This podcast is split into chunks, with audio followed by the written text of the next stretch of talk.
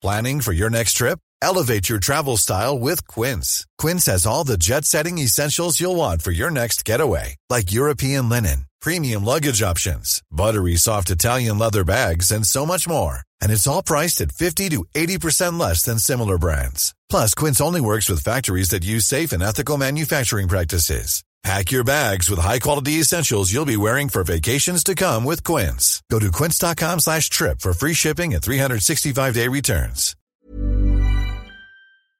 Hans Petter og co. presenteres av Check-in, sannsynligvis Norges beste påmelding og billettsystem som forenkler hverdagen for deg som arrangerer seminarer, konferanser og andre eventer. Les mer om Check-in på checkin.no slash Hans Petter.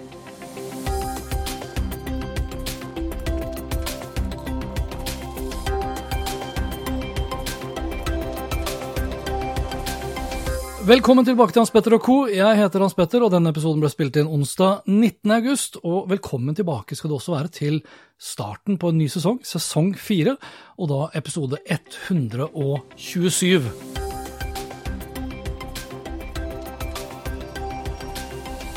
Jeg håper at du har hatt en fin sommerferie, og at du kanskje også har fått anledning til å besøke litt mer av det fantastiske landet vi bor i.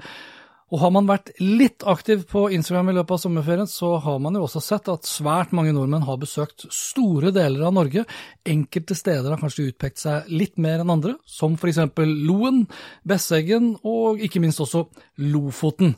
Sistnevnte var jeg selv så heldig å få oppleve i år, og det for aller første gang. Det tok altså da over 48 år, og jeg var strålende fornøyd selv om jeg skulle gjerne vært der lenger. Jeg fikk med meg Reinebringen, Ryten, Kvalvika strand og Delpen, og alle steder kan anbefales på det sterkeste.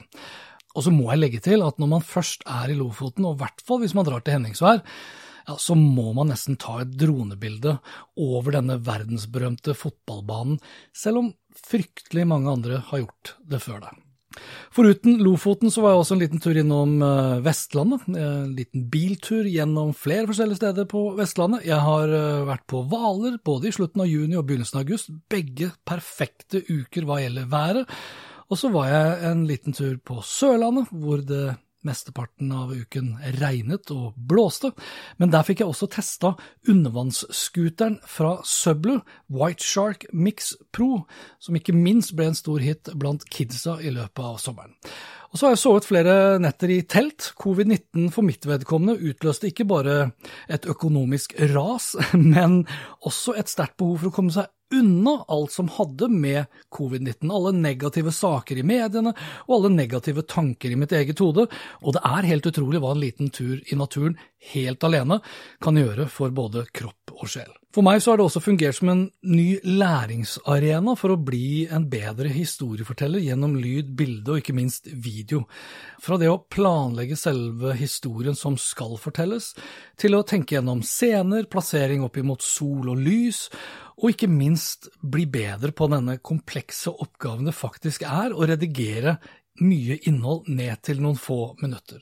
Jeg har brukt eh, mange forskjellige kameraer, jeg har eh, testet ut en rekke forskjellige mikrofoner, selfiestenger, tripods og veldig mye annet utstyr. I tillegg til at jeg også har måttet lære meg mer om hvordan Wondershare Filmora funker, altså videoredigeringsprogrammet som jeg bruker. Jeg har lært meg om Lutz og justering av alt fra farger, kontrast og lys til hvordan videoklippene best fungerer sammen med musikk, som jeg da har henta via musikktjenesten artlist.io, hvor video fra diverse smarttelefoner, DJI Osmo Pocket, Insta360 One X og ikke minst min DJI Mavic Air settes da sammen slik at det gjør historiefortellingene bedre. Planen fremover nå er å dra mine erfaringer med å lage slike videoer i form av min YouTube-serie Teknologi og natur, som jeg har gjort da i samarbeid med fjellsport.no, til bl.a. et nytt foredrag, hvor jeg da kan fortelle og vise hvordan man kan skape god innholdsmarkedsføring, f.eks. gjennom video, og da uten altfor mye dyrt og avansert utstyr. I mellomtiden så kan du jo sjekke ut videoene selv på youtube.com slash hpnhansen.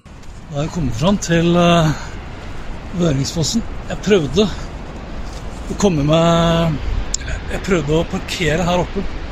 Altså der oppe. Men eh, der var det null parkeringsplasser ledig. Så det som gjenstår nå, det er å prøve å finne seg et sted eh, med bra utsikt.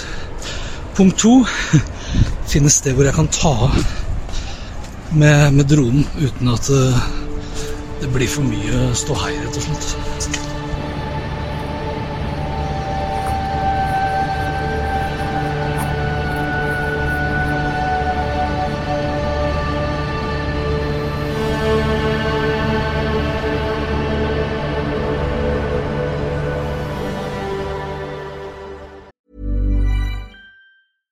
Hiring for your small business? If you're not looking for professionals on LinkedIn, you're looking in the wrong place. That's like looking for your car keys in a fish tank.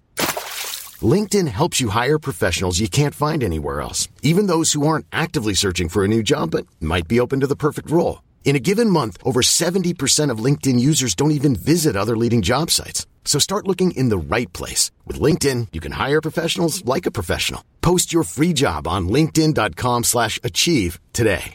My business used to be weighed down by the complexities of in-person payments.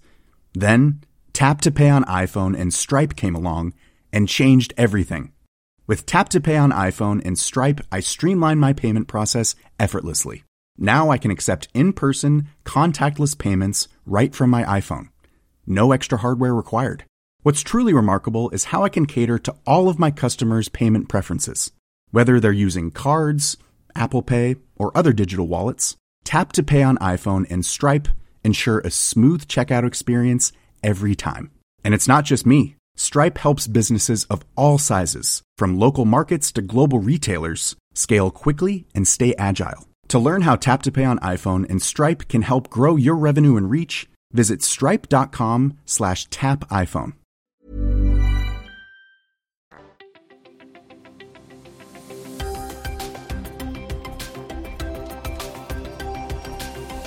Altså, da jeg skulle begynne på denne episoden, her, så tenkte jeg liksom hvor mye av det som har skjedd, skal jeg ta for meg i denne episoden. her, For det har skjedd veldig mye siden jeg tok sommerferie fra podden. 18.6 var faktisk da den siste ordinære midtukeepisoden. Og da handlet det bl.a. om Telias nye reklamefigur, altså denne Muppet-dukken Terje, som for så vidt da i løpet av sommeren ble kåret til den minst likte reklamen. I løpet av sommerferien så har også debatten om den blenda-hvite PR-bransjen herja, som på mange måter kulminerte da PR-nestor Hans Gelmyden i Gelmyden Kise valgte å gå av tidligere enn kanskje da først planlagt. Og det har på ingen måter manglet på store eller små hendelser og skandaler i løpet av sommeren. Den største, i hvert fall her til lands, det må vel sies å være Hurtigruten, som sto for, og fortsatt står for, iallfall da hvis vi begrenser oss nettopp da til Norge, selv om Hurtigruten-episoden som sådan har fått global eh, interesse og oppmerksomhet.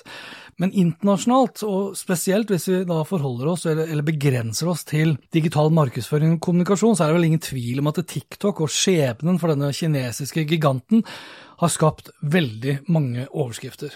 Blir TikTok i praksis bannlyst i USA, og på amerikanske mobiler fra Apple eller fra Google, så kan på mange måter begge selskaper også takke farvel til hele det kinesiske markedet. For skulle TikTok og WeChat forsvinne for Apple og Google sine respektive app-butikker, ja, så er det ingen i Kina som vil kjøpe en iPhone. Det kan om mulig bane vei for Huawei sin egen appstore, altså App Gallery, som på sin side sliter ved at den kalde datakrigen mellom USA og Kina har ført til at Huawei ikke lenger klarer å skaffe seg nødvendige komponenter til å produsere sin egen flaggskipbrikke Kirin. Svaret på spørsmålet om TikToks skjebne ja, det får vi da i midten av september.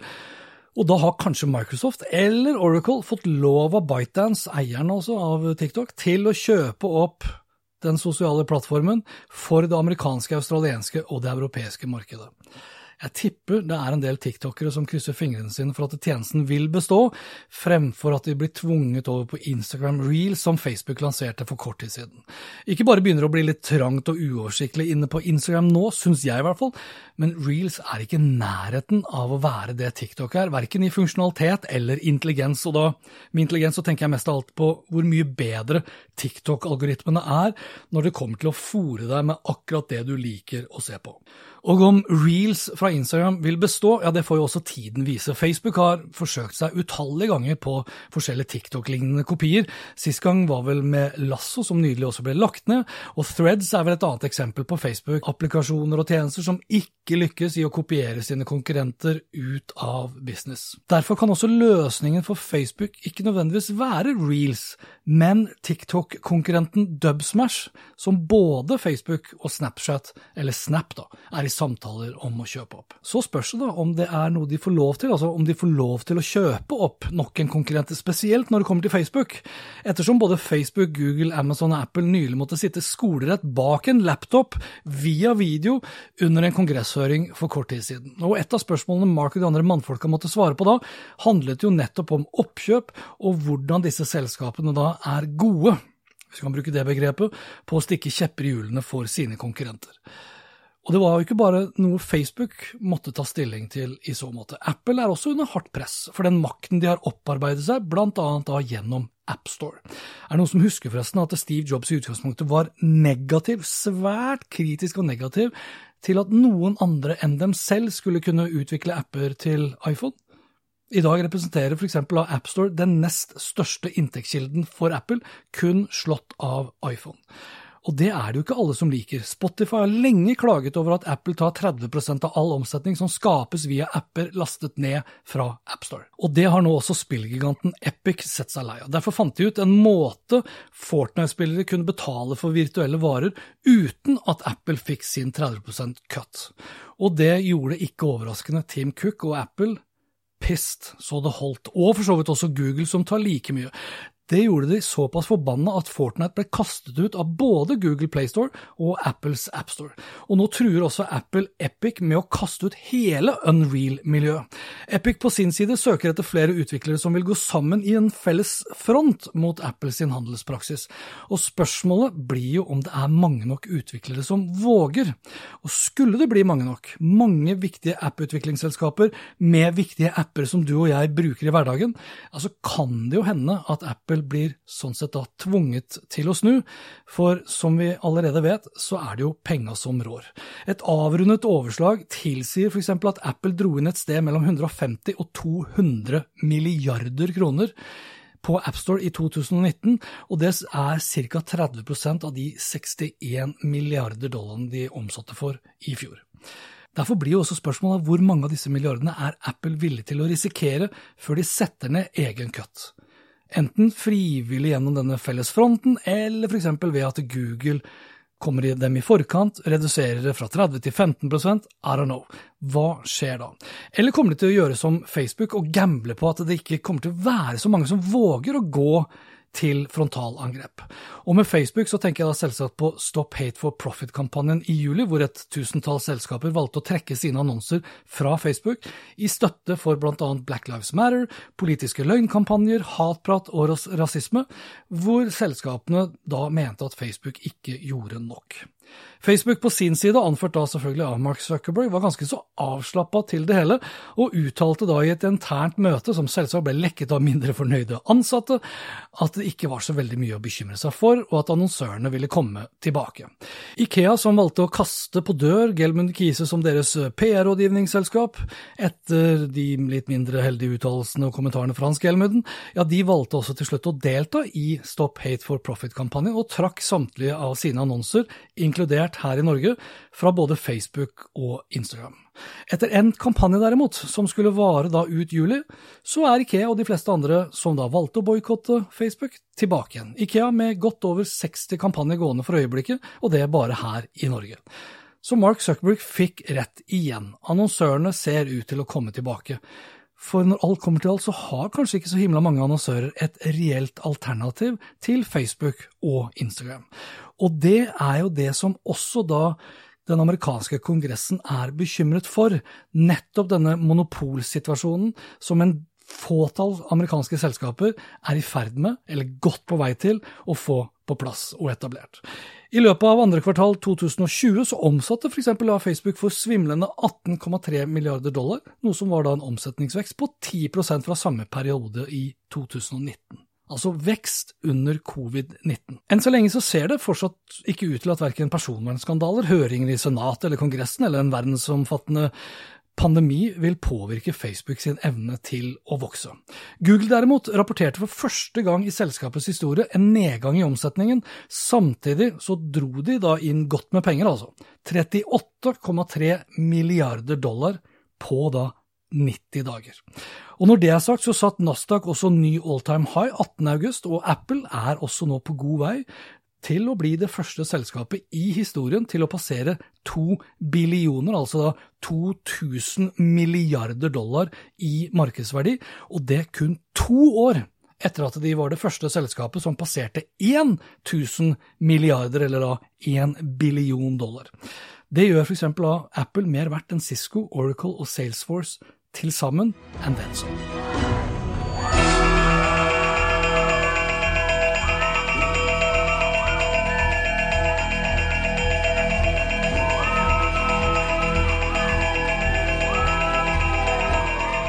Og dette var dette for, eh, for, denne gang, for den første episoden i sesong fire. Lenker til alt jeg har snakket om og øvrige innslag ja, det finner du som alltid på hanspetter.info.